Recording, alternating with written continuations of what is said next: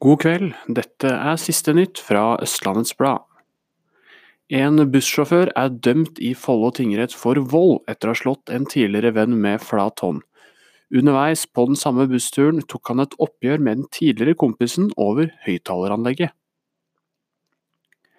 Elleve år gamle Iben Karlsen sørger over elgen som ble avlivet på Grønliåsen i forrige uke. Hun har også skrevet et leserinnlegg til ØB, og mener skylden for elgens opptreden bør legges på oss mennesker.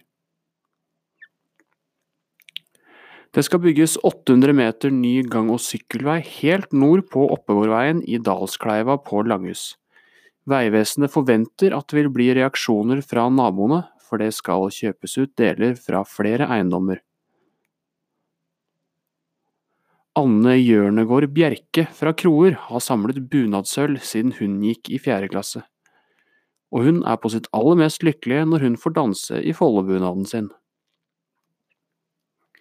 I tillegg, sjekk ut vårt nettmagasin, hvor Toril Gulbrandsen fra Opplysningskontoret for frukt og grønt gir deg sine aller beste tips til 17. mai-maten. Siste nytt fra Østlandets Blad fikk du av Eirik Løkkemoen Bjerklund.